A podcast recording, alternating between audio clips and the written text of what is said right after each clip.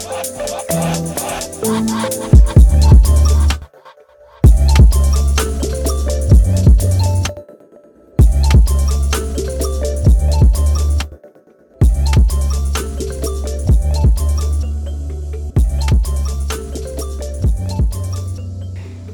jou, jou, jou, jou, jou. tere tulemast kuulama järjekordset episoodi ja podcast'i nimega Ausad mehed. mina olen Kris Kala mina olen Martin Pukspuu. ja meie oleme selle podcast'i hääled. just, just, just. naistest rääkides äh, mul tuli praegu meelde see, see üks, üks kuulajatest, Kätlin siin soovitas meile tegelikult mõne, mõnda aega tagasi nüüd äh, tegelikult teemas, millest rääkida ja tegelikult praegu mulle tundub, et see tegelikult jookseb sisse just sellesse teemasse ka, et.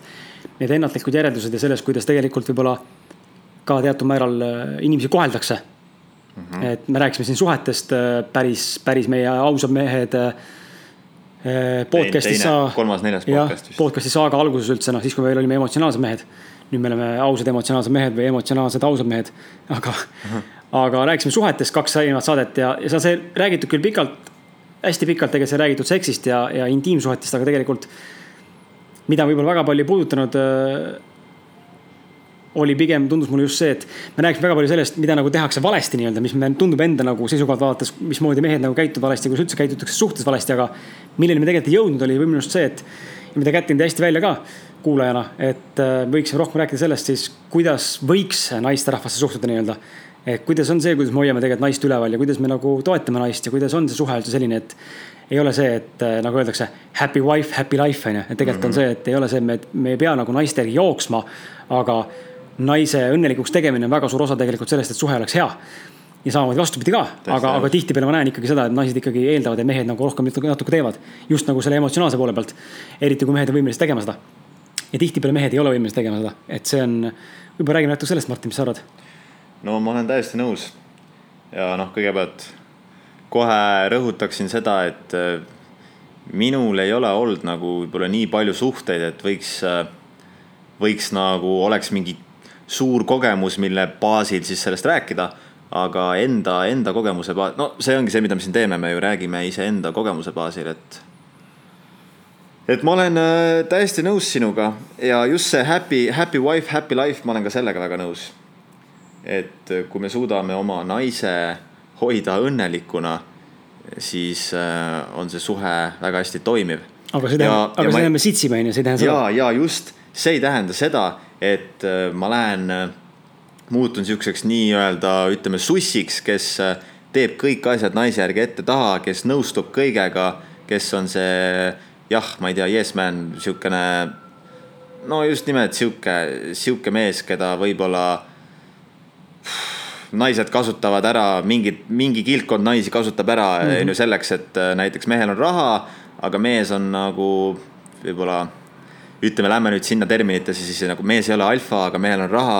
ja siis äh, naine kasutab, äh, kasutab meest ära, on ju, et äh, saab asju, aga noh, tegelikult oletame, ta ei hooli sellest mehest. no annab vastu keppi lihtsalt noh, odavalt selles mõttes. Noh. jah, aga ja minu meelest see, kuidas hoida naist õnnelikuna, algab sellest, kui ma hoian iseennast õnnelikuna.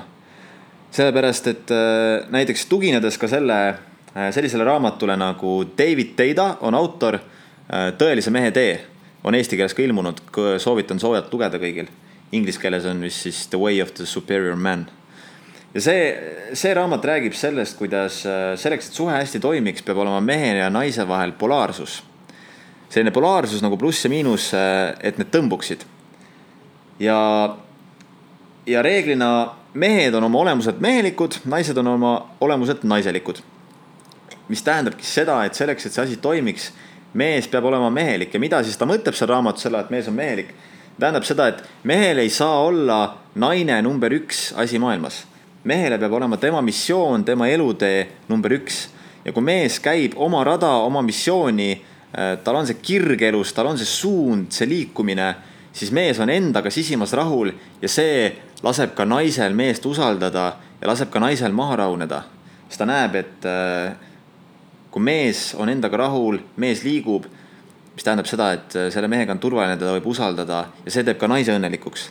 ja nüüd enda kogemuse põhjal, eriti nüüd just siin viimases, noh nüüd olles Anjaga koos. ma näen, kuidas see nagu täielikult toimib.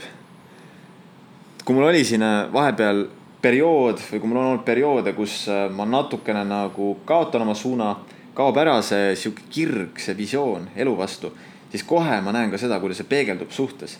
kohe ma näen, kuidas nagu suhe hakkab nagu ajutiselt selles mõttes käärima.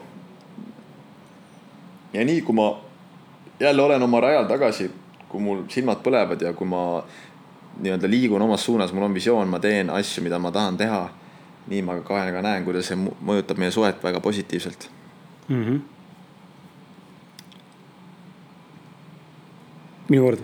sinu kord ma niimoodi, jah, Martini kuulates on nagu, ma saan aru, mida Martin mõtleb selle peegeldamise koha pealt, aga mul nagu ei ole seda ma nagu ei oska enda pealt nagu praegu mõelda selle peale, kuidas ma oleks näinud, et me teineteist Eliisega väga niimoodi emotsionaalselt peegeldaks, sest et võib-olla alguses tõesti, noh, kurat, ma ei tea, aga ma tean, ma olin, ma olin ikka kindel kui Kalju selles mõttes, mul oli. oled nii, sa oled nii mehelik mees, vaata, et sa ei ole, sa ei ole no. kunagi, sa ei ole kunagi sihuke nõrk olnud suhtes. ei no mitte seda noh mitte et nagu mehelik mees, aga, aga ma nagu ei ole nagu jah, ma mõtlen algusest peale, kui see suhe, eelmises suhtes ma olin kindlasti, ma mäletan, see oli küll probleem, problemaatiline suhe.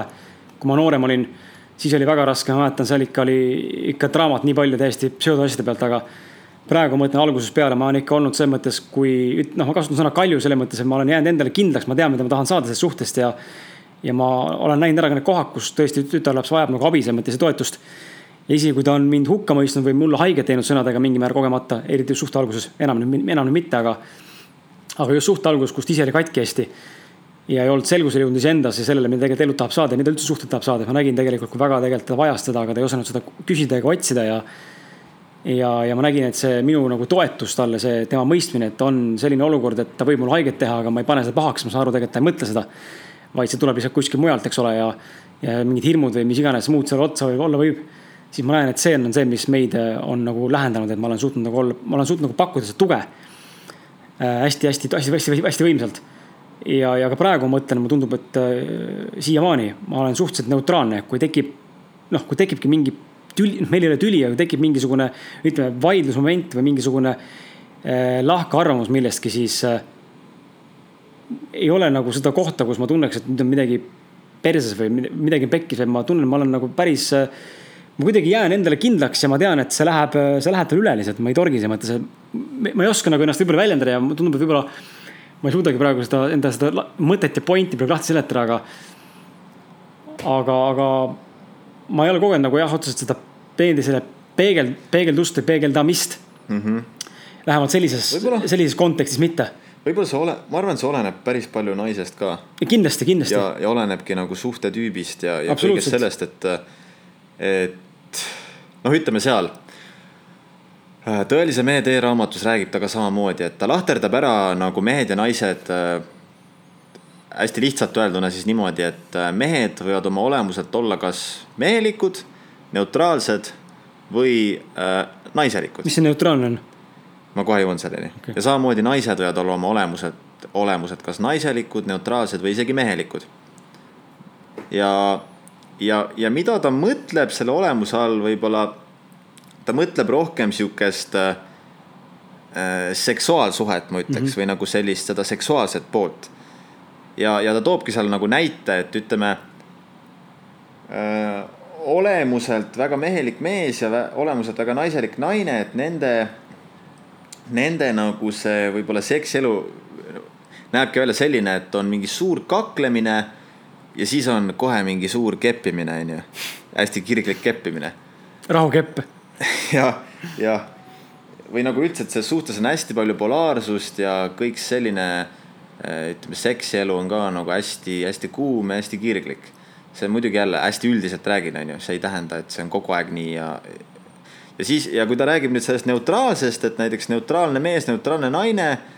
räägibki, et see on võib-olla rohkem nagu see, kus kus ütleme, seks ei ole siis nagu nii selline kõrgel kohal ja rohkem ollakse nagu sihukeste eluliste vaadete ja, ja nagu ollakse ennekõike väga head sõbrad ja seal lisaks siis juures on ka see nii-öelda intiimne ja seksuaalne pool. No, ma, ma vist kukun sinnapoole oma suhtega. ma just mõtlesin, mõtlesingi sama, et vaadates sind, vaadates Eliiset et te, te olete natuke rahulikumad, te olete nagu sellised tasakaalukamad, onju.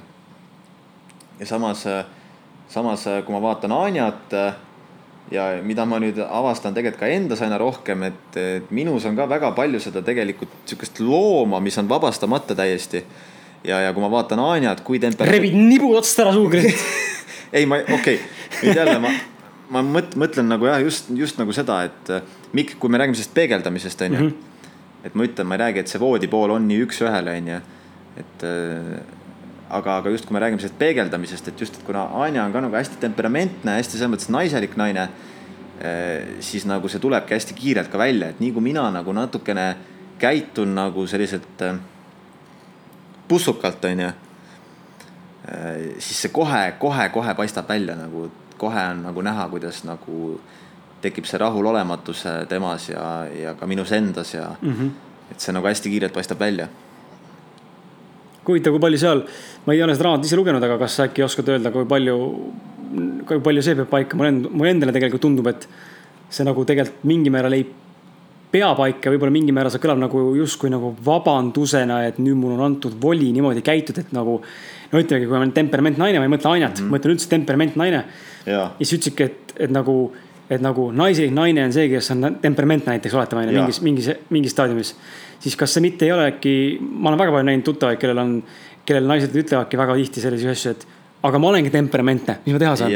et tuuakse nagu vabandus selle mm -hmm. käiku, et enda nagu käitumist õigustada sellega, et ja. tegelikult on mingisuguse käitumismustri ohvrid. et see, see tundub mulle ka, et pigem on see, et võib-olla ei olegi võib-olla nagu mingisugune omakorda sihuke nagu, ma ei teagi, no ei, ma ei teagi, noh. mingi lõk, mitte lõks, aga nagu noh, aru küll, ma mõtlen. jaa, ei, selles mõttes ma olen täiesti nõus, et noh, ma arvan, kõikide raamatute puhul ka tuleb aru saada sellest, et väga ei saa, noh, selleks, et kirjutada raamatut, peab ju üldistama asju. eriti sellist raamatut kirjutada. ja pigem see ongi nagu selleks, et natukene nagu aidata aru saada sellest dünaamikast, et mis nagu toimib suhtes ja mis ei toimi ja just, et ongi paarid, kelle jaoks on kogu see seksuaalne pool olulisem, on ju, nemad reeglina ongi siuksed nii, nii-öelda olemuselt mehelikumad mm -hmm. mehed ja olemuselt naiselikumad naised, on ju, ja on nii-öelda paarid, kelle jaoks, kes on natuke rahulikumad oma olemuselt. võib-olla nad ongi rohkem selles neutraalses kategoorias, aga just, et see ei saa võtta üks-ühele, on ju, ja see ei ole must ja valge. väga palju teisi varjundeid, aga just, et see aitab seda dünaamikat mõista, aga, aga see on jumala õige point sul. et äh, see ei ole ju mingi õigustus ja ikkagist nagu naine samamoodi, noh. see on jälle see, et samamoodi nagu Andy Frisellat kuulates on ju tema podcast'i. ütleb seal on ju, et kui sa tahad olla nagu ettevõtja, entrepreneur on ju, siis sa ei saa olla koos näiteks naisega, kes lihtsalt sööb su närvid ära mm. -hmm. et sul lihtsalt ei jää energiat niimoodi on ju, et tegeled oma asjadega, et selles mõttes ma olen nagu täiesti nõus, et et samamoodi ka temperamentne naine peab ju tegema endaga tööd ja, ja see temperament ei tule ju alati nagu sellest, et et ta lihtsalt on selline, vaid tihtipeale see temperament tuleb ka sellest, et naisel on omad probleemid. rahulolematusest. rahulolematus iseendaga ja siis ta väljendab selle, peegeldab selle mehe peale, onju. et selles mõttes muidugi nagu ma arvan küll, et noh, see ei ole nagu mingi vabandus, onju, et äh, ma olengi temperamentne, et ja see annab justkui nagu voli nüüd mehele pähe istuda, et käituda niimoodi nagu värdelikult, et tekiks see probleem suhtes ja sest et seda on nii palju näha nagu ümberringi ja, ja nagu mul on hea meel, mul endal ei ole seda, aga, aga vaata siinkohal jälle võib-olla on ka see oluline tegelikult, et trammid sõidavad mööda, tramm number neli, järgmine peatus, Tondi. et aga, et eh, see tundub mulle endale samamoodi tegelikult. Eh, et tegelikult selline koht, kui naine muutub hästi temperamentseks ja võib-olla on selline, ütleme, tujutsev, siis tegelikult mulle tundub, et õige mees, ma ütlen, õige mees, õige mees peaks olema suuteline seda, seda naist vaos hoida. ja mitte nagu taltsutada selles mõttes, et nüüd annab piitsa, paneb keti kaela, vaid, vaid või viib, või viib magamistuppa, tõmbab püksid maha ja paneb kuradi. jah, sinnasamusesse, aga ma ei mõtle seda ma mõtlen seda, selles mõttes taltsutada, et ta peab olema suuteline naisele olla toeks ja nagu suuteline ta saab välja tooma või nagu selgitada talle või tuua seda selginemist sellesse, miks seda naist tabas selline emotsioon või selline, selline, ütleme siis staadium või emotsionaalne seisund. sest et väga paljud mehed, taaskord jälle ma üldistan praegu siin jah, sest et nii on paraku üheksakümmend protsenti kindlasti. väga paljud mehed ei viitsi sihukese sitaga üldse tegeleda. ja ongi, lähevad lihtsalt minema mingi, mingi hetk või hakkavad muutuma vägivaldseks või hakkavad vastu sõimama, hakkavad nähvastu nähvama, sealt tulevad tülid onju. ja see ei vii mitte kuskile lõpuks ja ongi jälle inimesed laiali ja otsivad uut suhet ja uus suhe kordab sama must uuesti. aga see ongi, see ongi ju see, et sellises olukorras parim asi, mida mees saabki teha, ongi jääda ülirahulikuks, nii-öelda kõigutamatuks ja nagu hoida seda oma suunda edasi, et nagu okei okay,, naine, sa võid minna praegu hulluks, on ju, sa võid teha siin draamat. ma ei tule sellega kaasa, ma jään endale kindlaks, ma jään rahulikuks, ma armastan sind sellest kõigest vaatamata. ja, ja see ongi ju minu meelest nagu parim, parim kink, mida saab. mõistan, mõistan, et see on ajutine, läheb ja, üle. ja, ja, ja siin on muidugi ka on ju erinevad nii-öelda tehnikad või asjad sealt raamatust ka võttes ja mida ma olen nüüd nii-öelda kogenud ka omas praktikas on ju suhtes, et. et noh, siin ongi sihuke hea tuju ja sihuke nii-öelda selle kõige nagu mänguliseks naljaks pööramine, see on alati väga, väga, väga võimsalt aitab ja. ja, ja noh, tõesti, ma arvan, et, et väga hästi võib tegelikult, mis hakkasid nalja tegema võib aidata ka vahel see, et viidki magamistuppa ja tõmbadki püksid maha. tõmbadki ja... püksi maha ja võib-olla tilli sisse ei pane, kannad vastu kanni laksu korralikult noh. ei, ei, ei, paned, panedki tilli sisse ja ja trükid aju välja. rahuldad, rahuldad naise nii ära, et lihtsalt sellest draamast ei ole mitte midagi järele noh aga siis sa pead ikkagi teadma, et su naine seda tahab ka. et muidu on pärast lõpeb asi poolvägistamisega lihtsalt suhe on laiali lihtsalt. just. et mina mehena tunnen küll, et ma olen ka pigem see, kes nagu ma jään täitsa paigale ja, ja ma suudan, suudan seda asja neutraalselt kõrvalt, kõrvaltvaatajana vaadata, et kui ma nüüd valaksin õli tulle ja ütleksin, teeksin suu lahti siis oleks asi perses võib-olla mingil määral mm. -hmm. mitte täitsa perses, aga no ajutiselt oleks päris hapu ja see, ma nüüd seda ei tee, ei tähenda seda, et ma olen tallalune mm. -hmm. vaid pigem ma olen võimeline mõistma, analüüsima intelligentselt seda olukorda, et mul tegelikult ei ole vaja torkida. sest et probleem ei ole minus, probleem on temas endas. ja kui ma torgin, siis tegelikult teeb ainult asja hullemaks, sest me tihti näeme ka, kui meil on midagi valesti. on mingi valdkond, kus me sakime täiega või me oleme nõrgad või me ei oska midagi. keegi hakkab sind torkima selles valdkonnas, mis teeb sulle haiget niigi juba siis tegelikult see teeb omakorda veel rohkem haiget ja saab sind rohkem närvi mm -hmm.. seega mõttetu on valada õli tulle, et see vanasõna, et ära tee teistele seda, mis sa tahad, sulle tehakse, tegelikult peab paika, et äh, nii suhetes, elus, äris, äh, trennis, spordis. Äh, vahet pole, kus see peab tegelikult, tegelikult paika. täiega, täiega. ja näiteks mina, mina väga tihti ikkagist veel nagu murdun, et justkui. noh, ongi näiteks naine, naine tujutseb või teeb draamat, siis ma lihtsalt ise võib-olla ei ole parasjagu nii balanssis iseendaga. kuulsite jah? rong oli väljas. ise ei ole endaga võib-olla nii balanssis on ju, ei ole enda keskmes. ja siis nagu see läheb nii sita keema ja siis ma hakkan ise seda õli tulle juurde mm -hmm. valama, on ju. käitudes tegelikult väga nii-öelda pussukalt selles olukorras. ja nii-öelda tekitan, loon ise probleemi juurde, et aga, aga eks see ongi üks suur õppimine, õppimine ja kogemus ja väga lahe nii, ma vaatan korra seda, kuidas mm,, ma vaatan korra siin need täpsustavad küsimused. Kätlini või?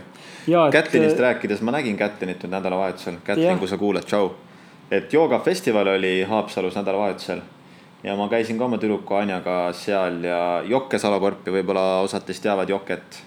Ashtanga õpetaja oli Eestis väga, ütleks tuntud.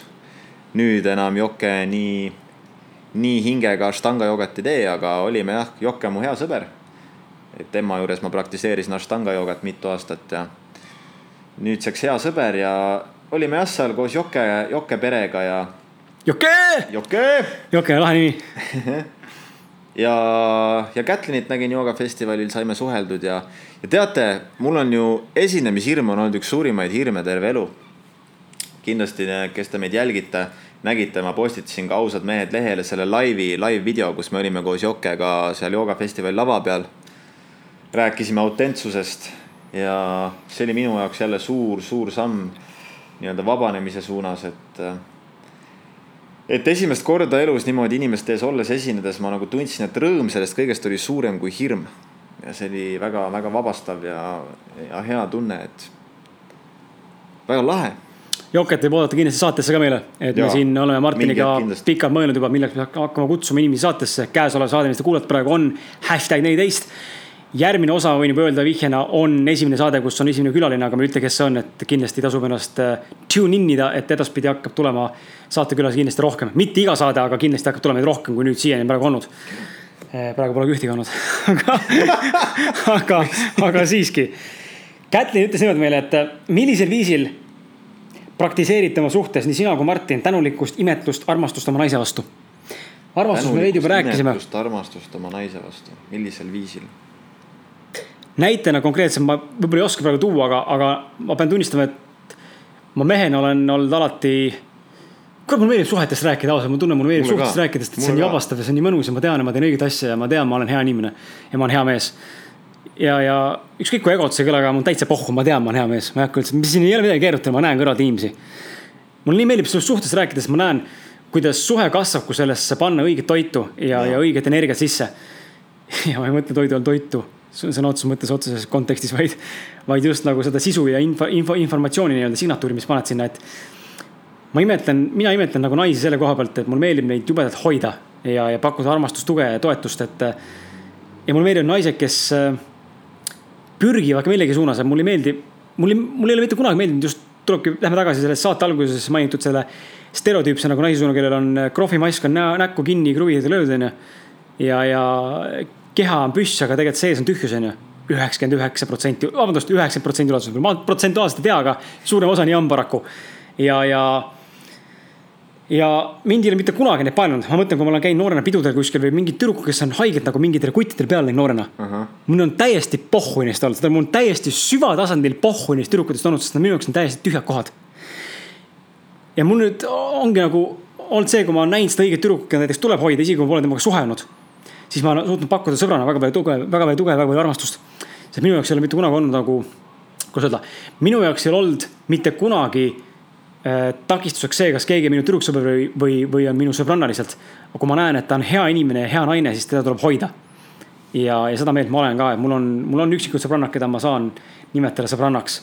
ja, ja neid ma tõesti üritan hoida nii, nii palju kui vähegi võimalik on, et äh, loomulikult selle hoidmine on sõbranna tasemel erinev kui, kui enda naisega, see on selge, onju, et ma seal noh.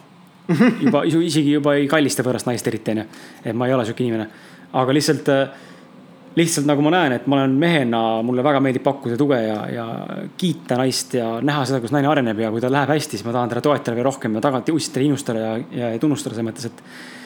ma arvan, et see on väga oluline, mida väga paljud mehed kahjuks ei tee, taaskord jälle samamoodi, nad ei tee seda nagu. ma ei tea, kas mehe, ma ei tea, kas see ego on nii suur, et ei, et tänu sellele, et nad ei julge teisi mehi, noh, teiste meeste kiitmisest ei ole mõtet üldse midagi rääkida. siin mees ütleks kellelegi, et kuule, jõu, sa teed asja, see on, kurat, see on sajandi ime noh.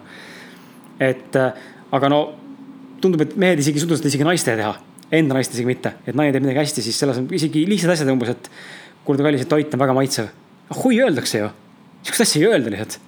nagu haruharva ma olen kuskil olnud, ma kuulen seda kuskil, keegi ütlebki enda mehele või enda naisele sihukest asja, et. ma ei tea, kuidas sul Martin aga ma tunnen, et mulle meeldib nagu naisterahvaid, just naissugu selles mõttes. mitte ülistada, ma nüüd kummardan neid, ma ei ole nagu ori, ma tuletan taaskord meelde, ei ole mul kett kaelas ja ma ei ole slave, onju. et womanizerile on tuss pähe tõmmatud, onju, aga aga mulle meeldib naisi kiita ja naisi tagant utsitada, olemaks nagu ise, iseenda parem versioon ja, ja olla see võimas, tugev naine. ja minu jah, kuidas ülistada, avaldada armastust, tänulikkust naise vastu. esimene asi, mis mul tuleb mõttesse, on kohe äh, komplimendid, kiitused. ja ma ei mõtle selle all nüüd äh, siukseid kiita kiitmise pärast, vaid just nimelt siirad südamest tulevad kiitused ja komplimendid. mitte, et ja, ja kallis ja, ja, ja, isegi ja, vaata, ei süvene. just, just, sest näiteks mina tunnengi, et äh, kui ma olen omale sellise naise valinud, ilmselgelt on temas ju väga palju, mida ma imetlen. ja, ja olgu see siis tema keha puhul, välimuse puhul, iseloomujoonte puhul, mille iganes puhul. ja mulle meeldib nagu alati kiita ja komplimente anda ja tuua välja neid häid asju, mis mulle siiralt sel hetkel nagu ah, tahan jälle öelda, onju Mhm. Ja, ja ma näen, kuidas see nagu alati nii-öelda paneb, paneb nagu hinge helisema naisel. ja, ja seda, seda jah, üleüldse ma olen elus nagu tähele hakanud panema, et enamasti, kui ma ikka, kui miski kellegi puhul väga nagu meeldib, inspireerib, olgu see mees, naine, sõber, tuttav, mis iganes. ma tihtipeale ikkagist ütlen selle välja. ja kui teha väga siiras nii-öelda kompliment, tänuavaldus inimesele, siis ikka alati on näha, et see läheb hinge. isegi kui inimene nagu ehmatab ära, ei oska seda vastu võtta kohe.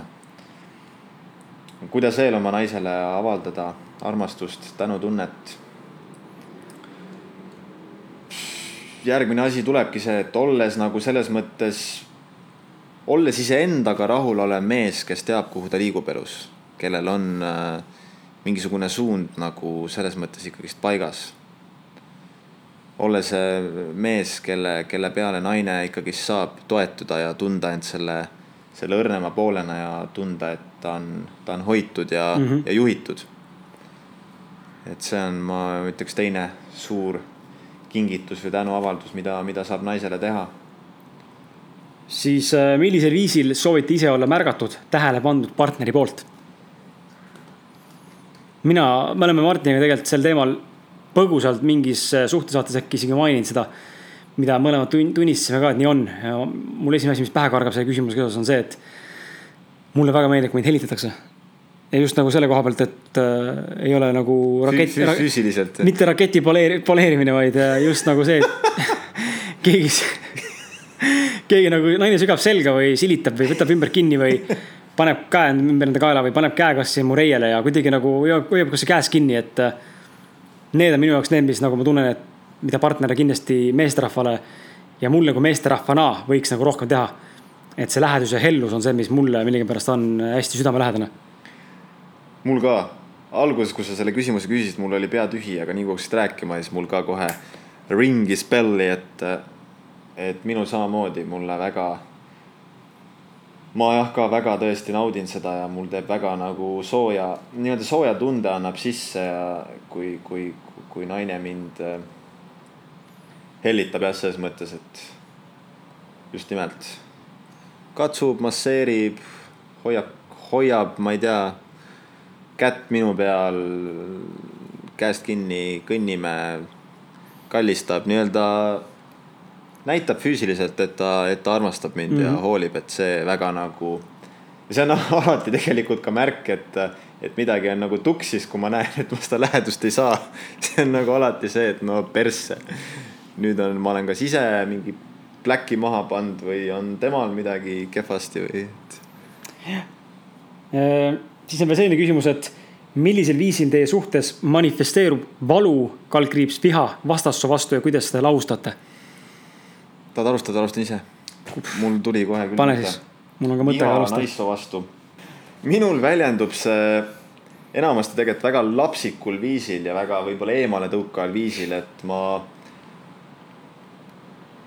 ma ütleks, mul ei ole, mul ei ole viha naissoo vastu, mul on meeste vastu viha, see kindlasti tuleneb ka suhe nagu suhe, suhted ema-isaga, kuna mul on emaga alati olnud väga hea suhe, mul ei ole naiste vastu viha.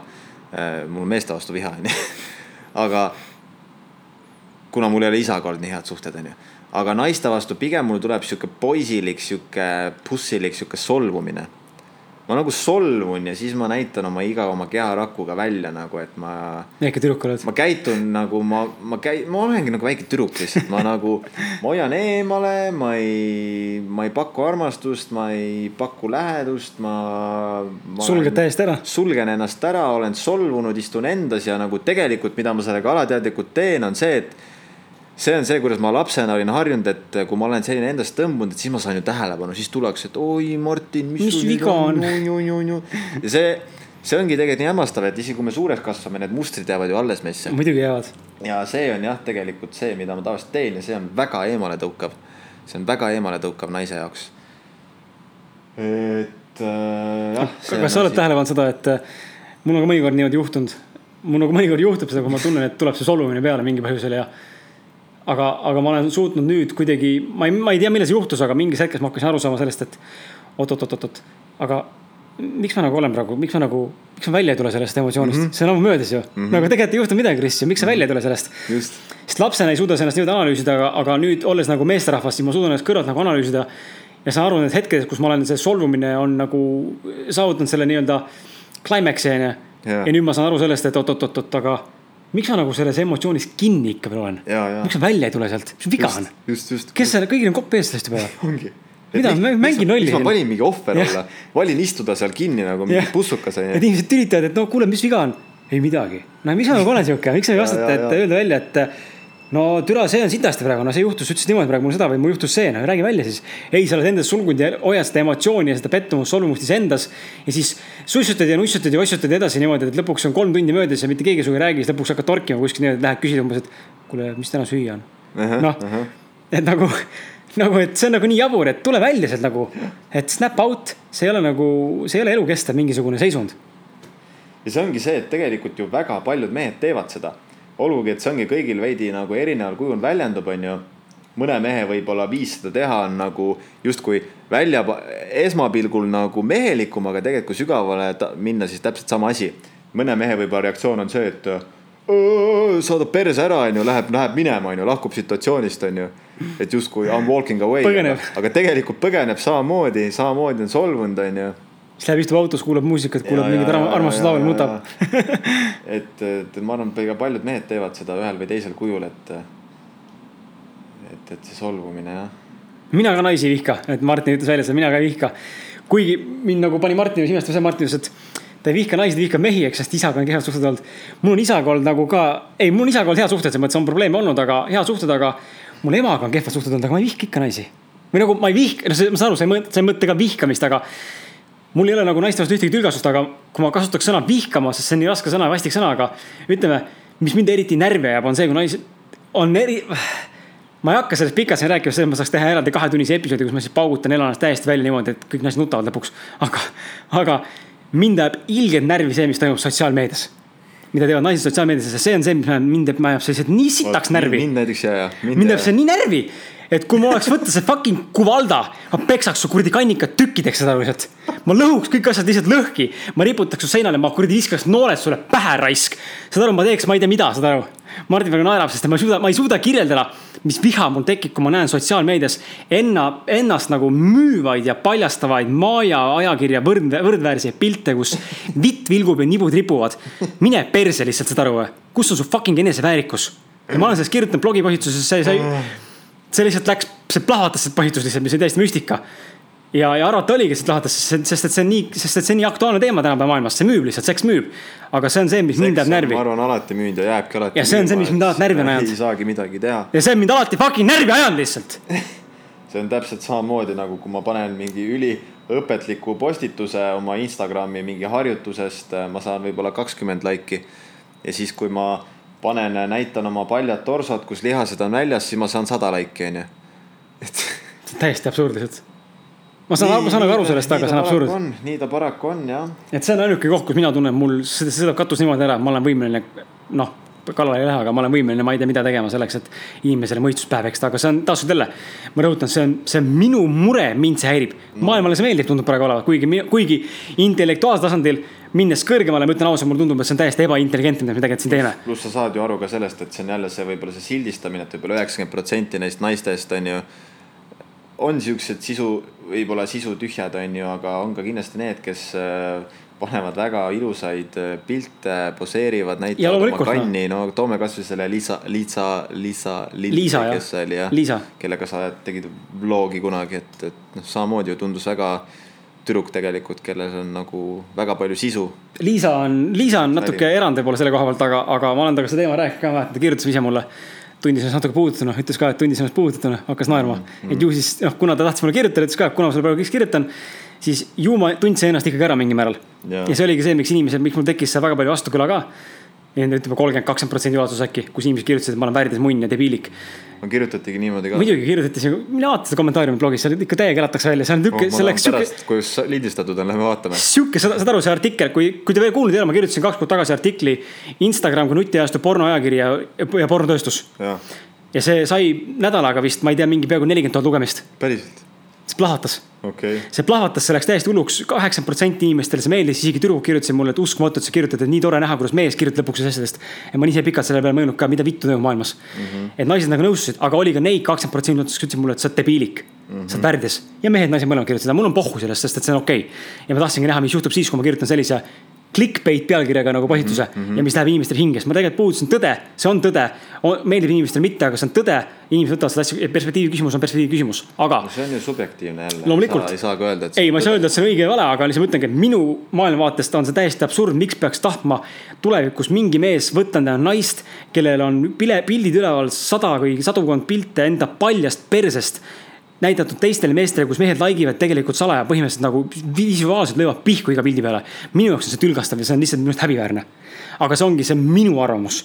ja ma näen, et maailmale see meeldib, siis väga las meeldib, onju. et see on valdkond, kus mina nagu tunnen, ma lihtsalt ärritun ja Liisa Lind. ma ütlesin talle, ütlesin sama asja talle, ta ütles ka, et noh, ma ütlesin talle ka, et see on nagu, sa oled tore tüdruk, tal on olemas, ta on väga tore tüdruk, ta on väga-väga edukas inimene ja väga-väga mõistus on asjakohal ja väga spirituaalne aga, aga ta teeb seda, mida teeb ja, ja ma saan aru, see on tema jaoks viis, kuidas praegu nagu elatist teenida mingil määral ja ehitada enda brändi, mis iganes. see on tema valik. aga see, see ongi vaata see ka, et nagu ma saan aru sinust, on ju. ma saan aru sinu vaatenurgast, aga ütleme, me kõik ju tahame, kui minna näiteks selle Maslowi äh, vajaduste püramiidi juurde, siis äh, meil kõigil ju, mis seal on, kõigepealt tuleb vist see füsioloogilised vajadused, on ju ma ei mäleta. katus pea kohal, toit olemas. katus pea kohal, toit olemas, on ju. ja päris minu meelest madalal tegelikult oli ka ju see armastuse vajadus, see kuuluvuse vajadus. et ütleme, kui sa oled naine, kellele on antud väga ilus keha, siis see ongi ju väga nii-öelda. võib-olla tõesti, see ei ole nagu see kõige õigem viis tänapäeval läbi sotsiaalmeedia, aga see on viis, kuidas nii-öelda kunstlikult saada seda et sind kiidetakse heaks, et sind väärtustatakse, et sa kuulud kuhugi, et sind armastatakse, kui sul on ilus keha, sa teed oma kannist pilte, onju ja, ja sa saad seda, sa saad seda tunnet, on ju, et sa kuulud kuhugi, sind väärtustatakse no. ja noh, paljud naised ju kasutavad ka seda selleks, et mingit brändi ehitada üles, on ju. no ja me jõuame lõpuks. selles mõttes ei. jõuame tegelikult selle teemaga sellesse kohta, millest me oleme tegelikult siin saates rääkinud ka, et miks on inimestele nii oluline see teiste inimeste heakskiit ja tunnustus miks me võiks, miks me võiks nagu aktsepteerida iseennast sellisena, nagu me oleme. olla ise õnnelikud selles, mida me teeme, ilma et me peaks tegema midagi teist inimest nimel, sest kui sa vaatad tänapäeva sotsiaalmeedia maailma, siis me teeme sadu pilte enne, kui me paneme ühe pildi ülesse, mis on tegelikult juba iseenesest täitsa absurd, kui sa võrdled kümme aastat tagasi, kui nutitelefoni polnud. tehti klõps, inimesed olid rahul sellega, kuskil, sa käisid kuradi elus korra Alpides, üks klõps, pilt tehtud nüüd sa teed kuradi oma vetsus sitapoti sada pilti selleks, et oleks hea selfie mm. -hmm. tule, see on nii haige minu meelest, siis kuhu me tegelikult omadega jõudnud oleme. ja mida ma mõtlen nagu intellektuaalsel tasandil.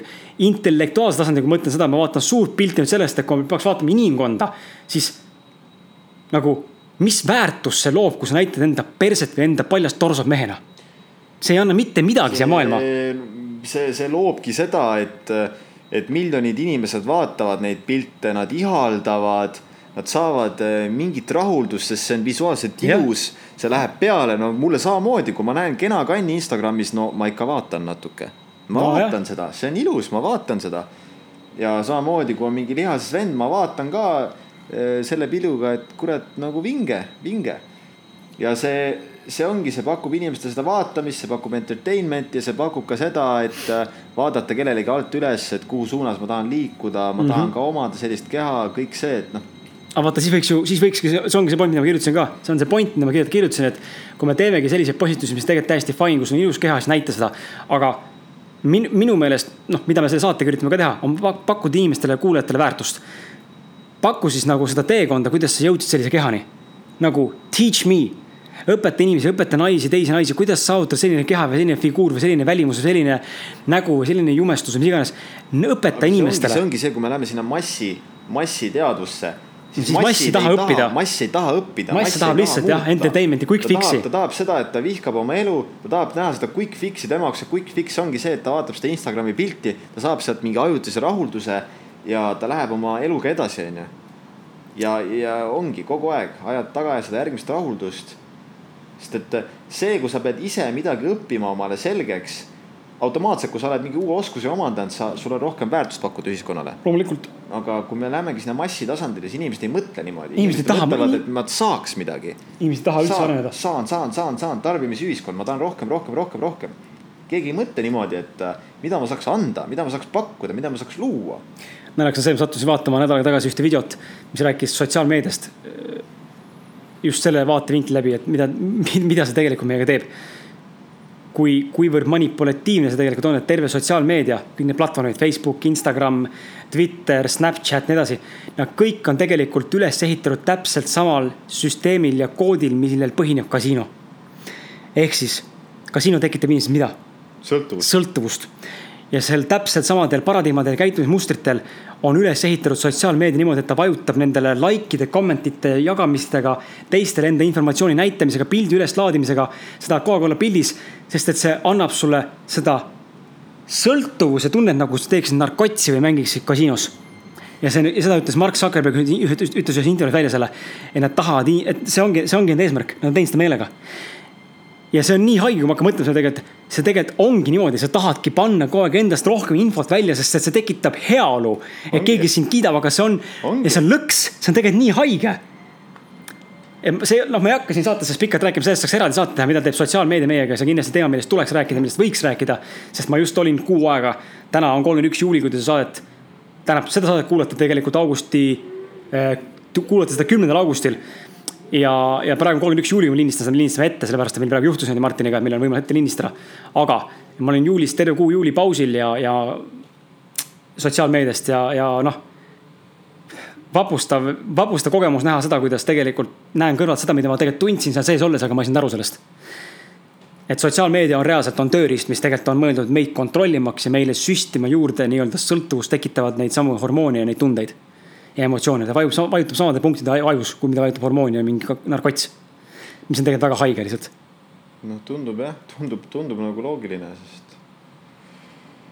jah, ei, see on, see on, see on ulme, me tegelikult Jokega ka seal Haapsalus joogafestivalil. Jokke rääkis sellest, kuidas ta tunneb, ta tunneb seda tungi tagasi nagu fucking loodusesse. ta tunneb, et see lihtsalt, see on nii kuradi fucked up kuidas me tegelikult elame. kuidas nagu noh, ongi hea näide, sõidad kuskil ühistranspordis, eriti rongis näiteks. vaata lihtsalt ringi, mida inimesed teevad, no sa sõidad iga päev ju. iga päev sõidan kaks korda, ma näen seda iga päev. mida inimesed teevad? kõik on fucking telefonis no, või läpakates. ongi. raamatud loevad aru, arv, no ma saan aru, on olemas ka e-raamatud, aga see, see vanamoodne aknast välja vaatamine, looduse nautimine, looduses olemine, raamatu lugemine, teise inimesega suhtlemine, kõrvalistuja naeratamine, see on null, sa tahad kellestki mööda minna, siis sa pead sõna otseses mõttes jalaga enam-vähem talle kuradi lööma puukat selleks, et ta märkaks sind, sest et ta on nii kuradi ninapidi oma telefonis, et ta terve elu on telefonis. ongi ja see on, Jokke just rääkis ka sellest, mis tegelikult minuga väga resoneerub. ma tean, et ka sinuga. et just nimelt, et äh, me ei ole fucking loodud niimoodi elama, see on täiesti kunstlik tegelikult. me olemegi loodud fucking olema looduses, panema need kuradi varbad mulda, hingama seda värsket õhku, olema selle lageda taeva all suhtlema üksteisega. suhtlema looduse putukate asjadega, kurat, see on. Connect ima üksteisega, mitte mitte fucking passima Instagramis ja Instagramis üksteisega suhtlema, onju, või ja mida, millega ma, kuhuni ma seal nagu nüüd jõuda tahtsin. ühesõnaga ja Jokke ka rääkis sellest ja see väga, väga nii-öelda ka resoneerub minuga. küsin võib-olla viimase küsimusena siit, mitte saate viimase küsimusena, aga viimase küsimuse Kätlini poolt, et äh, mm, äkki tahaksid jagada oma suhet ka emaga, et isaga me, isast me tegelikult rääkisime, et isa suhtest. et äh, ja kuidas see suhe mõjutanud suhted naistega, kas valisite partneri ema järgi, milliseid tundmusi tekitab, kui naine meenutab ema? ma jätan selle vastuse ainult sulle, sest mina sel teemal kaasa siin rääkida ei soovi, aga sina võid vastata, Martin. miks sa ei soovi? sest et ma ei soovi oma emast rääkida. see on huvitav, enne, enne kui ma ema, oma emast hakkan rääkima, ma põgusalt veel ütleks nagu, et võib-olla sarnane olukord, nagu sul on oma emaga on mul isaga, kuigi ma olen oma isaga ikkagist tihedamalt suhelnud. ikka noh, siin vahepeal võib-olla jääb mõni, mõni kuu pausi, kus me ei, ei suhtle, aga noh, telefoni teel ikka vahepeal nagu veits räägime, aga. aga nüüd näiteks ka nädalavahetusel Haapsalus olles isa helistas mulle jälle ja, ja kutsus külla ja nagu käitus niimoodi natuke solvunult, et miks ma võib-olla tema vastu huvi ei tunne ja miks ma tal ei ole külas käinud ja miks ma oma uut pruuti kellega ma olen nüüd üle poole aasta suhtes olnud, ei ole talle tutvustanud ja. ja mul nagu, ma tunnen, et kõige õigem tegelikult tegutsemine oleks see, kui ma suudaks talle andestada ja kui ma suudakski temaga suhelda ja pakkuda talle seda. mida ta tegelikult vajab ja mis minu, mida, mida tegelikult tema peaks mulle pakkuma kui minu isa, aga mida ta ei ole kunagi teinud. ja mida nüüd tegelikult mina pea, peaksin suutma talle pakkuda mm. -hmm et see, mis mul endal jäi puudu, mina nüüd pakuksin seda talle. aga ma, ma nagu tunnen, et ma ei ole oma arengus veel päris seal, et hetkel nagu mul on see tunne, et äh, seda viha ja trotsi minus on tema vastu aina vähem. aga samal ajal mul on ka see tunne, et ma ei, ma ei taha absoluutselt energiat panustada temasse. et miks ma peaks talle külla minema või ma ei tea, oma tüdrukut tutvustama või üldse temaga suhtlema, kui sealt ei tule mitte midagi vastu. ma ei saa sealt mitte midagi nagu vastu mm. -hmm. ja see võib-olla kõlab, vaata, ma tahangi selgitada ka, et see võib-olla kõlab mõne kuulaja jaoks võib-olla selliselt, et issand, kui omakasupüüdlik sa oled, et et kui sa midagi vastu ei saa, siis sa ei tee seda, et ma olen, ma olen seda öelnud ka eelmises saadetes, kui me rääkisime näiteks peol käimistest või kuskil väljas käimistest, miks ma ei lähe ja suhtle inimestega, kelle vastu mul huvi ei ole, sest et ma tunnen, et ma ei saa seal mitte midagi, see on minu jaoks nagu, nagu mentor ütles mulle ükskord. ta meeldib, tal on sihuke hea, hea fraas selle kohta, et inimesed puhuvad lihtsalt sooja õhku. ja tal ei ole see vajalik. Ja ma tunnen sama asja, mul ei ole, ma, ma ei soovi kuulata seda mõttetut jura, kus ma tegelikult mitte midagi, nagu Martin ütles, mitte midagi endale ei saa võtta, selles mõttes, et mul ei ole midagi õppida sealt. Ma ei õpi seal mitte midagi, ma ei koge mitte midagi, ma ei saa kuidagi targemaks, see ei hari mind, see ei aita mind, see ei muuda mind paremaks, see kehvemaks. See on nagu, see pole rõõmu, see pole kurbust, see on nagu nullseisund, see on nagu, mida ma nagu lähen torkima väga seda. palju kurbust. või siis väga palju kurbust ja väga palju viha tekib tõesti, mul, mul pigem samamoodi, kui ma lähen kuskile seltskonda, kus ma tegelikult ei taha olla, siis ma tean, et ma esimese viie minutiga olen täiesti endast väljas ja, ja ma tahan kellelegi kalla minna. et aga, aga noh, mitte nii hull, aga ma tunnen, ma täiesti, ma, mind viib täiesti välja endast see, kui ma pean olema kuskil, kus ma tegelikult olla ei taha sest minu jaoks on täiesti mõttetu ja kui keegi hakkab mulle veel mingit jura ajama, viisakat sihukest pseudojuttu, et no jõu, kuidas läheb, ammu näinud, kuidas sul läheb. Ma lihtsalt ei viitsi seda aru, ma lihtsalt jumala pohhu, tõmba nahku, ma ei taha rääkida. ja ma ei mõtle seda üldse halvaga, ma mõtlen ausalt, sest mind lihtsalt ei huvita jah, mul ei ole mitte midagi sulle anda ja ma ei taha sul mitte midagi saada, palun ära tüüta mind. ja ma kujutan ette, et sul isaga võib-olla on ka mingil määral nagu seal ei ole enam seda viisakuse filtrit vahel on ju, sest me kõik ju teame, et see viisakus on for the sake of viisakus. no muidugi, see on täiesti viisakuse jaoks. ja, või jah, jah, just, aga, aga isaga jah, ma nagu tunnen, et no tõesti, et see on nagu, ta nagu üritab olla isa, ta üritab olla sihuke natuke manitsev. no kuidas sul on sul ikka firma asjad, firma kõik asjad korras ja see ikka korras ja no kuidas seal läheb ja noh, üritab nagu olla selline samas tal ei ole mitte mingit õigust olla selline, sest et ta ei ole mitte kunagi mind kasvatanud niimoodi, ta ei ole mulle mitte midagi õpetanud elus, onju ja, ja kui ta on mind elus ainult kritiseerinud, maha teinud, mulle meeletul hulgal valu ja kurbust põhjustanud. Ja siiani ta ei suuda seda ju tegelikult endale otsa vaadata ja tunnistada, et ta seda teinud on. ta siiani üritab mängida seda siukest äh, manitsevat isa rolli, onju. siis nagu mul ongi see tunne, et okei okay,, ma olen sellest välja kasvanud, onju, ma näen nüüd seda kõike kõrvalt, onju. mul on siuke tunne, et nagu miks ma peaks oma energiat sinna panema vot, aga noh, ma tean, ma loodan, ma usun, et ma kasvan ühel päeval sinna, kus ma ikkagist äh, suudan talle pakkuda seda, seda armastust ja tuge, mida tegelikult temal jäi mulle pakkumata. aga noh, hetkel ma nagu tunnen, et ma lihtsalt, ma ei, ma ei soovi oma energiat sinna panna. aga emast rääkides, aga emast rääkides, vot emaga on jah, võib-olla hiljuti siin ütleme mingeid asju analüüsides, mõeldes. ma olen, kindlasti on ka mingeid solvumisi ju ema vastu, aga, aga sellised jah, selles mõttes, kui ma ikkagist vaatan suures pildis, siis äh, ema on olnud alati minu jaoks olemas.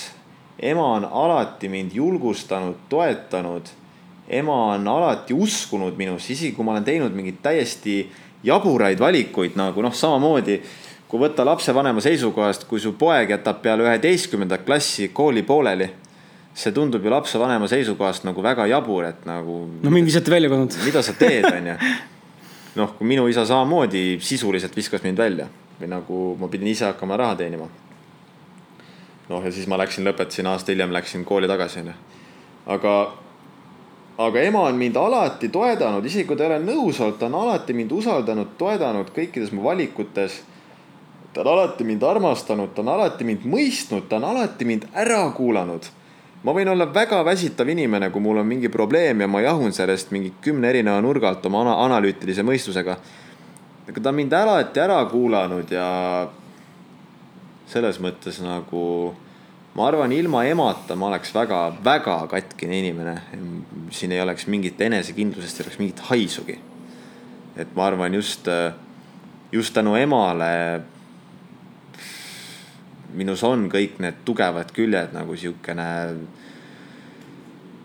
empaatilisus ja inimeste mõistmine ja kuulamine, kuulamisoskus ja, ja, ja ikkagi see ene, eneseusk, mis, mis, mis, mis mul ikkagist on ja mis mind edasi kannab, et ma arvan, et see kõik on, on nagu on, on ema baasilt, ema poolt tulnud, et ja see puudujääk isalt, eks ma nüüd tasapisi kogu aeg ehitan huvitav, et sa, huvitav, et sa Ja- mainid seda, mul on just, noh, mul on vastupidi, isalt kõik need asjad tulnud, ma näen, ma näen nagu.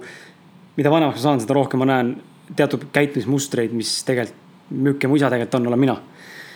ka see tõsitus ja, ja võib-olla see äh, karmikäelisus mingi koha pealt ja võib-olla sihuke hästi otsekohene ja hästi ausalt ütlemine, samas on ka ise hästi empaatiline, hästi emotsionaalne, hästi perekonda armastav inimene. ja olen näinud ka enda isa nutmas ja, et ta on ka ikkagi emotsionaalne inimene ja emotsionaalne mees. et see kindlasti on sealt ka tulnud, et et, et huvitav on nagu näha ja tegelikult, et kuidas, erinevad, erinevad nagu üks vanem suudab nagu tegelikult noh, kui ta võtab üle selle, et ta on suurem osas ikkagi panustab rohkem kui teine, siis ta suudab nagu tegelikult täielikult domineerida ja tegelikult kontrollida ja õpetada nagu suunata nagu noh, oma lapse arengut. et nüüd huvitav oleks näha enda laste puhul kunagi tulevikus, mis saab siis, kui mõlemad vanemad toetavad võrdselt, vaata, mis, mis siis nagu lapsest saab. sest ma olen näinud küll, millised on tegelikult need perekonnad, tundub, et väga, väga nagu kooshoitavad perekonnad, väga lahe mm. -hmm. aga kui palju sina võib-olla suhetest jälgid seda, et tütarlaps oleks ema moodi või pigem mitte? kui sa mõtlema hakkad praegu, kas nagu... hea küsimus selles mõttes selles mõttes noh, ma olen ka kuulnud seda ütlust, on ju, et või mingi sihuke laialt levinud mingisugune uskumus, et, et naised valivad mehi oma isa järgi mm -hmm. ja mehed valivad naisi oma ema järgi. mis mina arvan, et ei pea absoluutselt paika tegelikult. No ma arvan, see võib-olla on see ka, et kui on olnud emaga väga hea suhe näiteks, siis ma valin ema järgi. kui naisel on olnud isaga väga hea suhe, ta valib isa järgi. aga võib-olla, ta ei tea, ei tea, no selles mõttes, kui ma praegu mõtlen jaa, kindlasti ongi mitmeid, mitmeid asju, mis, mis, mis on. aga siis on ka mitmeid asju, mis nagu ei ole, et noh, ma ei, ma ei tea mm, -hmm. ma ei tea. nojah. Ma ei tea, ma ei tea, ma ei tea, samas jah, ma olen ka väga palju kuulnud neid näiteid väga palju, et kui ütleme, tüt-, naisel on väga olnud sihuke vägivaldne isa, siis ta valib omale ka vägivaldse mehe sest see on lihtsalt see, kuidas ta on harjunud elama, see on talle nii omaseks saanud, et ta ei oska muud moodi, ta alateadlikult juba tõmbab omale ligi. Kui isa enam ei ole tema elus igapäevaselt, siis nüüd ta tõmbab oma selle mehe ligi, kes oleks, täidaks seda isa rolli mm, -hmm. oleks vägivaldne, onju. väga palju on siukseid asju jah, need korduvad mustrid ja, ja, teiste ja, inimeste näol lihtsalt. just, et jah no see on väga huvitav, tegelikult ongi nüüd siin ka podcast'i tehes analüüsides on nagu nii huvitav seda näha, kuidas tõesti, et kõik need pehmed küljed on minus nagu väga hästi arenenud, mis on just tulnud emalt, onju. Samas kõik nagu võib-olla siuksed mehelikumad küljed ma olen pidanud tohutult äh, endas nagu avastama, äh, taasõppima nagu hilisemas vanuses nagu alles seda üles leidma, üldse aru saama, mida tähendab olla mees ja äh, kuidas seda endas arendada ja nagu integreerida seda samm-sammu haaval iseendasse. seda ma teen siiani, et, et nüüd ma mõistan ka paremini, miks mul võib-olla puberteedieas nagu oli nii mindfuck nagu see, et kurat küll, ma olen ju kena noormees. kõik on nagu olemas, miks need fucking tüdrukud mulle tähelepanu ei pööra? ja noh. sa oled ebakindel lihtsalt. ma lihtsalt jaa, ma lihtsalt ei, ma ei kiirganud endast välja jah, seda just nimelt. vuss olid lihtsalt noh. vuss olingi noh. ma olin, ma olin alati väga hea nagu sõbramaterjal kõikidele tüdrukutele, aga jaa, ma ei noh mis muidugi no ei saa nüüd öelda, on ju, et jah, esimene tüdruksõber tekkis, noh, tõsisem tüdruksõber tekkis mul on ju, kui ma olin seitseteist või. mul suht sama vanus. või kuusteist või, ei mäleta. kümnenda klassi lõpus, jah et selles mõttes noh, miks midagi mus on ikkagist alati olnud, aga noh, ma olen nagu väga pidanud väga palju seda frustratsiooni just kogema, et nagu vaatan mingeid vendi, vaatan mingeid vendi onju, mingid tunduvad nagu täiesti türad, mingid debiilikud onju. ja naised, tüdrukud jooksevad järel onju ja siis vaatan ennast, mõtlen, perse, ma olen nii hea inimene, nagu miks nad ei vaata mind. miks ma ei saa seda tähelepanu, miks nad kõik on nagu, oo Martin nagu siukse suhtumisega, et nagu sihuke väikest kassipoega tead, vaataks mind ja ja noh, alles hilisemas elus ma sain sellest aru, on ju, et lihtsalt, et see, see ei olegi see, see külgetõmme ei olegi ratsionaalne. see ongi lihtsalt see, mingid need omadused, mis naisi köidavad, on ju, just nimelt see, kas mees on piisavalt alfa, kas ta on karjaliider, kas ta on äh, nii-öelda võimeline. no just nimelt, et kas ta, kui me läheme hästi primitiivsele tasandile, et kas ta on see mees, kes äh, tapab selle mammuti ära toob sulle ette, kaitseb sind teiste meeste isast, isast eest, et nad ei vägistaks ära, onju. et just nimelt, et see ongi nagu, see ongi see nagu ju primitiivsel tasandil, mida naised otsivad. kui vaja, siis võtab sind lihtsalt võimsalt. jah, ja, ja, ja, ja, ja minus just nimelt ongi olnud alla, mus on alati olnud olemas need küljed, aga need ongi olnud nagu alla surutud, onju ja nüüd siis nagu hilisemas eas on ju kõik need aastad ma nagu tasapisi step by step integreerin ja nii-öelda avastan endas neid külgi, mida mida tervisliku arengu puhul mees, mees automaatselt avalduvad kõik need küljed, onju huvitav, et sa seda mainid, sest ma mõtlen, et ega ma ei ole ka. putsis tegelikult. kurat, nüüd ma tulen ka, ma lihtsalt nagu, mul läheb nagu sitt läheb fucking keema, saad aru. sitt läheb fucking keema sellest, et kuradi fuck noh, täpselt seesama asi, et nagu miks ma, miks peab sihuke nuss olema, et kuradi lapsepõlv on olnud sihuke ja nüüd ongi olnud mingi kuradi nuss lihtsalt kõik need aastad, et. et sellest üle saada, kasvada normaalseks meheks nahku see on, sinu kogemus sinus, täitsa putsis see on sinu õppetund. ja ma üldse praegu ei ole ohver, ma lihtsalt korra lasin, korra tundsin, tekkis nagu see kuradi fucking viha tuli üles nagu. tead, mul see viha üles tekib, sa ma üt- ütlesid selle asja välja, mida ma olen ka tegelikult tundnud. ma ei ole ka nagu mingi äh, the manliest man on, on ju, terve elu olnud selles mõttes, et ma olen ka pigem olnud alati friend zone ja hästi sõbralik ja hästi abivalmis hästi viisakas ja hästi toetav ja hästi mõistev ja hästi emotsionaalne poiss ja mees ja noormees. ja ma olen ka alati mõelnud, mis on see fenomen, mis on see fenomen ja ma olen rääkinud sõbrannadega sellest ja ma olen rääkinud ka enda elukaaslasega, elukaaslane mul teistsugune, ta saab sellest aru, aga ta tunnistab, ta on, ta on mul rääkinud, mis see tekitab naisena. ehk siis ta ise on kogenud seda, sest ta on ka ämbrisse astunud.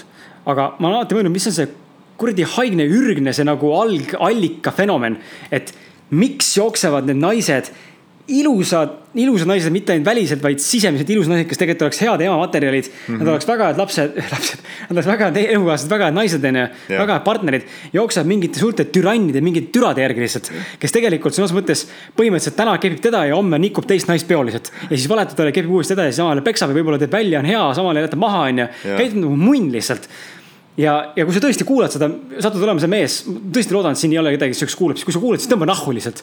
aga, aga ma, läksin, ma, okei okay,, räägi. aga mind lihtsalt ajab ka närvi see asi, mis ajas Martin närvi, mind, mind ärritas ka noorena just see ja ärritab siiamaani see. enam mitte, sest ma ise ei ole, ei ole nagu selles sees enam nii palju, aga ma näen seda kõrvalt. mul on nii kahju näha, kuidas naised ei oska hinnata selliseid mehi, kes tegelikult väärtustavad sind väga pikaajaliselt. aga nad jooksevad selle quick fix'i, selle draama ja selle nii-öelda nagu selle fun'i, entertainment'i ja selle draama peale järgi sellele meestele, kellel on, kes on need, need need, need on need kuradi alfad, jutumärkides alfad on ju, tegelikult on beeta kuubis raisk või üldse kuradi delta, delta kuubis, mis kuradi tase see on. Jooksevad nende järgi, see on nii primitiivne. Nad saavad haiget, nad teavad, nad saavad haiget, aga ikka nad astuvad samasse ämbrisse uuesti korduvalt. ja siin ei saagi mitte midagi teha ja see on, see on täpselt samamoodi, kui ma mõtlen, kui ma võtan ju ennast, onju.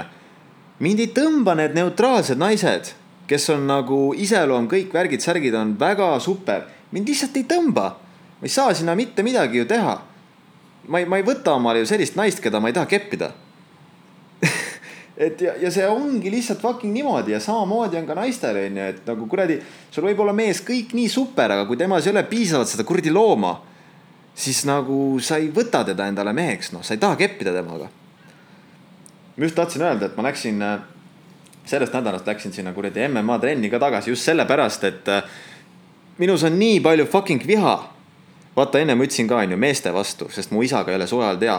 minus on nii palju seda fucking viha. minus on nii palju fucking viha ja nagu ma tunnengi, et nagu see trenn on lihtsalt hea viis, kuidas fucking madistan, kaklen seal teistega, elan seda endast välja ja samal ajal nagu hea viis saada selle loomaga endas nagu veel rohkem kontakti ja integreerida see enda nii-öelda olemusse. et see tuleks mulle loomulikumalt, onju, ja nii on. jah, see on ka fenomen, mille, mille üle, mille üle ma olen mõelnud juba pikalt noorest ajast saadik ja miks on niimoodi, et miks see on niimoodi, noh, et miks naised jooksevad ikkagi, nad teavad eos ette juba, kui sul on valida A variant variant A, mis on üllas, õilis, mõnus, kõik on tore, ta armastab sind, sa kõik, mis tegelikult tahad. ta on mõistev inimene ja sul on pikaajaline elu ja armastus ja kõik on tore.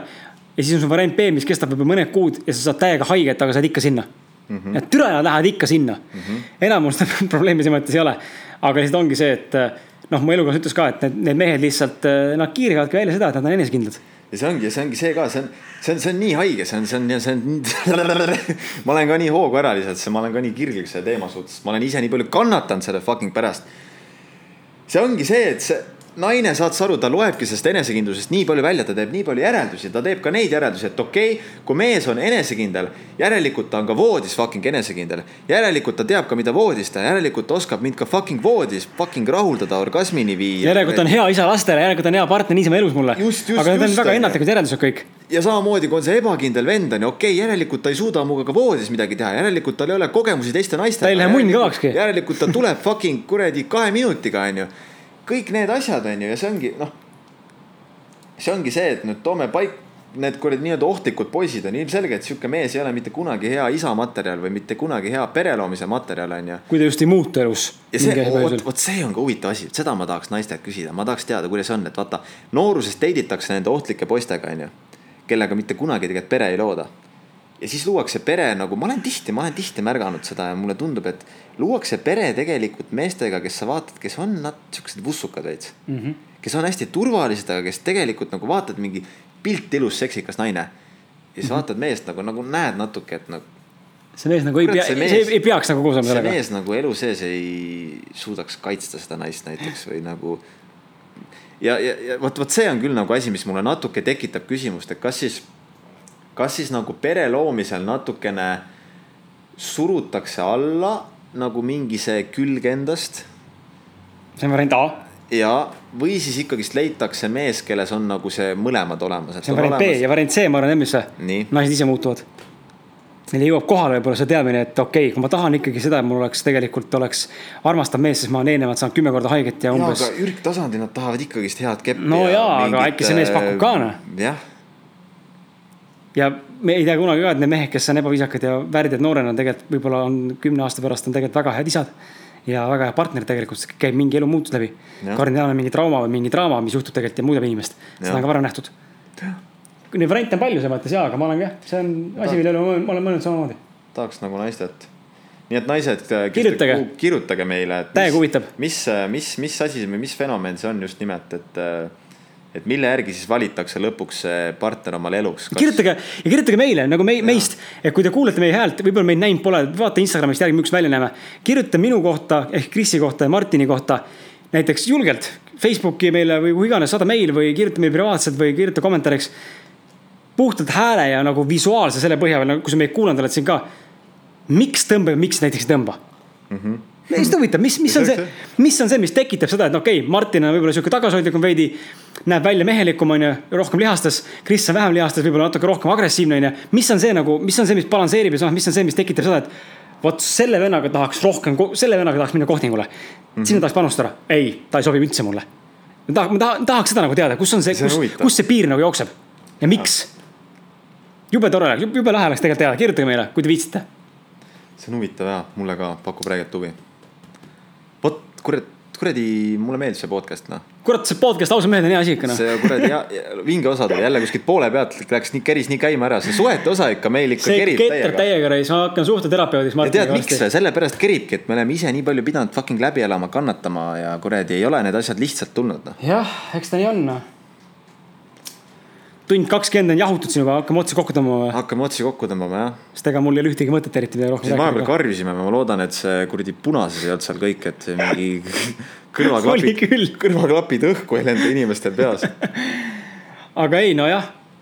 ma isiklikult loodan, et siit saatest oli, oli mingeid mõtteid, mida võtta ja ja, ja motiveeris ja inspireeris selles mõttes kaasa mõtlema ja mõtlema enda elu peale ka võib-olla enda valikute ja enda, enda kogemuste ja eesolevate valikute peale ka.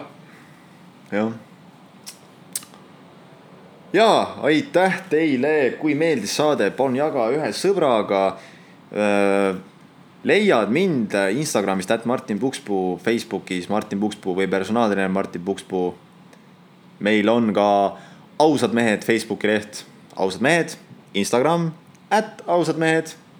SoundCloudis kuulate meid, iTunesis saate kuulata meid. varsti võib-olla ka Youtube'is, kes teab, ma ei usu eriti, aga võib-olla.